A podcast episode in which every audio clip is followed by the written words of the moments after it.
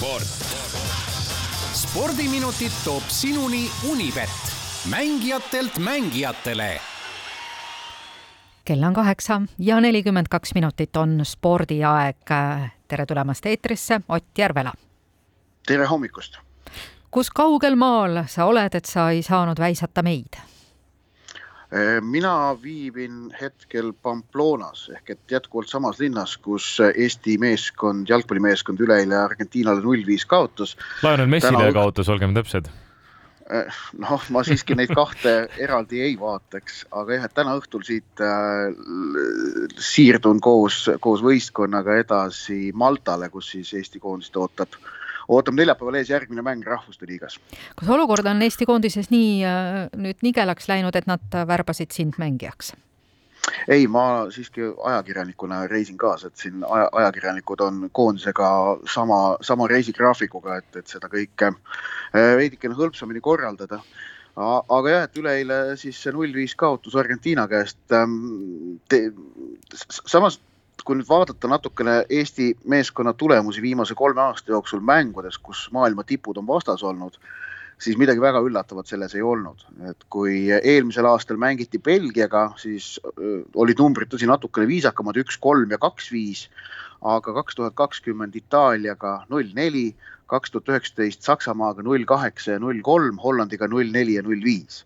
ehk et asjade reaalne seis paistabki praegu olevat siin viimase kolme aasta tulemuste põhjal vaadates, et kui Eesti sellise maailma tipp, tippkümne, top kümne sisse kuuluva võistkonnaga vastamisi läheb, siis selline nelja-viie väravaline kaotus tuleb, aga jah, muidugi see, mida Lionel Messi korraldas, see oli, see oli erakordne, et, et äh, ja, ja noh, ütleme nii, et terve eilne päev ju maailma jalgpallimeedia kihas pealkirjadest, et kuidas Messi taaskord ühe, ühe võrratu rekordi püstitas mm. -hmm. aga me võimaldasime tal seda teha, nii et me natukene au ja kuulsust võiks ikka meile ka tulla seda mängu seal Pamplona staadionil noh jälgides, siis kohati oli ikkagi täitsa seletamatu tunne, et, et, et Messi tegutses hoopis teises tempos kõikide teiste väljakul viibinud mängijatega võrreldes ja, ja, ja ka see, kuidas tema talle avanenud šansid ikkagi lõi väga kindlalt väravat, eks teised Argentiina mängijad omasid ju ka võimalusi mm, -hmm. mis mhm. kohati olid isegi paremad kui need, mis, mis avanesid Messile, aga väravaid lõi tema, nii et äh,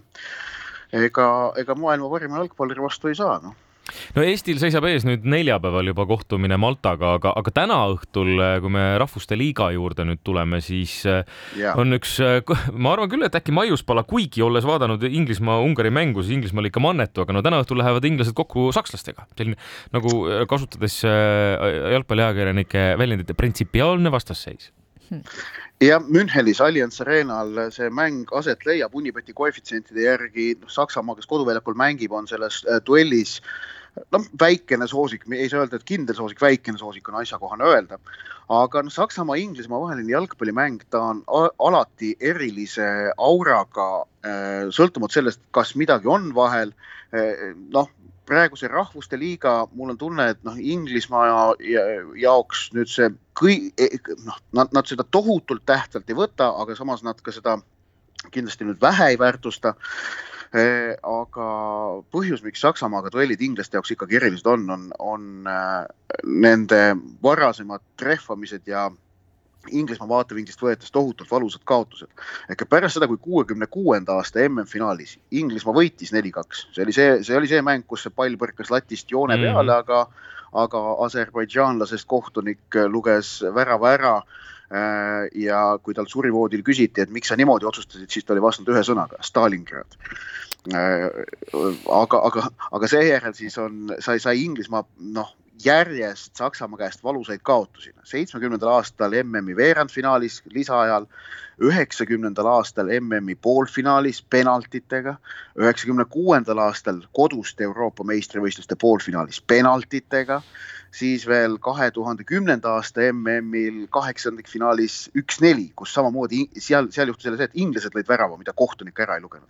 ehk et selliseid valusaid kaotusi oli rohkesti kuni siis eelmise aasta Euroopa meistrivõistluste kaheksandikfinaali finaalis Inglismaa mängis Saksamaa kaks-null üle, et see oli, see oli üks selline teemant, mille inglased pidid äh, seljatama ja nad said sellega hakkama. et inglaste jaoks just nimelt mäng Saksamaaga on rahvusvahelise jalgpalli selline kõige ülim sündmus. sakslaste endi jaoks see niimoodi tingimata ei ole. sakslased pigem äkki vaatavad, et nendel see noh, mõnes mõttes on üks, üks peamine rivaliteet on Hollandiga, neil on väga tähtis rivaliteet ka Itaaliaga, noh Inglismaaga ka, aga inglaste vaatevinklist just nimelt duell Saksamaaga on see kõige erilisem asi ja täna õhtul seda Inglismaa või Saksamaa-Inglismaa duelli siis Münchenis näeb ja ma saan aru, et rahvusvahelises jalgpallis ei ole sugugi väheoluline see, kas tuli läheb põlema või ei lähe, et mäng saaks toimuda. on siin mõningane lambikriis olnud ja eile õhtul Austria-Taani matši algus viibis poolteist tundi, sest Viinis ei saadud lihtsalt staadioni tulesid tööle. et, et, et no mõtled, et kõik on nagu valmis, kõik, kõik on nagu noh, korda tehtud ja noh, noh, Austria ei ole nüüd jalgpalli mõttes ka mingi väike riik, vaid ikka suur korra, korralik, korralik jalgpallimaa, aga lihtsalt mäng viibis poolteist tundi, sest noh, tuled ei läinud tööle. Aga lõpuks mängiti ära, Austria kaotas kodus, nii et Taani mulluse EM-i poolfinalist on alustanud rahvuste liigat kahe võiduga ja ja vägagi vahvalt äh, seni, seni mänginud.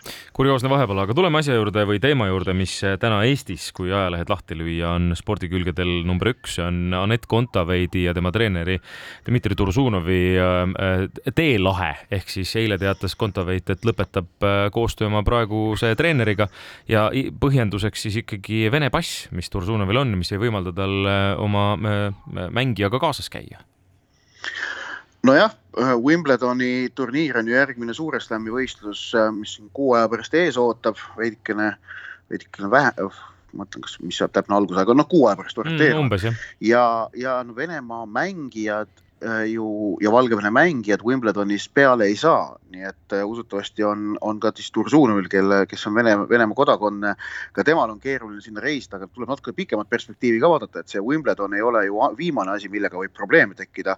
Tursunov ei saanud kevadel kaasas käia Kontaveidiga ka võistlusturniiril Ameerika Ühendriikides, aga aasta neljas suur slam on mis USA lahtised mm -hmm. augustis nii et eh, noh, ei ole ju, oleme ausad, ette näha, et selles vallas mingi olukord oleks muutumas, et miks, miks, kui ta ei, Tursunov ei saanud paar kuud tagasi Ameerika Ühendriikides käia, miks ta kahe kuu pärast peaks saama sinna minna. Eh, kaks aasta viimast suurt slam'i ilma treenerite koha peal oleks, oleks keeruline. nii et eh, sealt see, see on, see on kindlasti noh, see põhjus, mille Kontaveit ka välja tõi intervjuus eile on, on tundub, et on selle koostöö lõppemise üks peamine, kas seal taga on veel midagi, eks seda teavad osapooled ise kõige täpsemalt. Äh, aga noh, treeneri vahetus on äh, muidugi asi, mida ka Anett Kontaveidil enda karjääris on, on tegelikult ju tulnud ette et, päris sageli. Äh, noh, ei saa öelda, et oleks mingi aastaid mingite, mõne kindla treeneriga tööd teinud, vaid tipptennises üldse pigem treenereid vahetatakse sageli kui, kui harva. ja noh, nüüd on lihtsalt vaja leida uus äh,, Kontaveidil uus, uus variant, kuidas edasi liikuda. noh, maailma teisel reketil, kelleks ta alates eilsest on, ei tohiks ju pakkumistest teab mis äh, puudust tunda. Ja hästi kiiresti lõpetuseks. ja võrkpallist ka kiiresti, võrkpalli kuldliiga Eestil iseenesest justkui läheb äh, hästi, aga peaks minema veelgi paremini. Jah, Eestil on kolm võitu kirjas, kolm järjestikust võitu, üks Läti, kaks Belgia üle, pidamata homne mäng Lätiga, laupäeval Tšehhiga aga et alagrupp võita ja finaalturniirile pääseda, et ei pruugi isegi võita sellest, kui mõlemad mängud äh, kolm-null võita, et vaid Tšehhi peab seal, Tšehhi peab seal Belgiale ka punkte kaotama, et, et Eestil võimalus äh, tekiks no igal juhul äh, turvalist lendu, hüvalendu, Ott, ja reedel, kui me kohtume taas jälle Skype'i vahendusel, saame ehk juba rääkida sellest, kuidas Eesti jalgpallikoondisel on kaks võitu Rahvuste Liigas kirjas. sport spordiminutid toob sinuni Unibet, mängijatelt mängijatele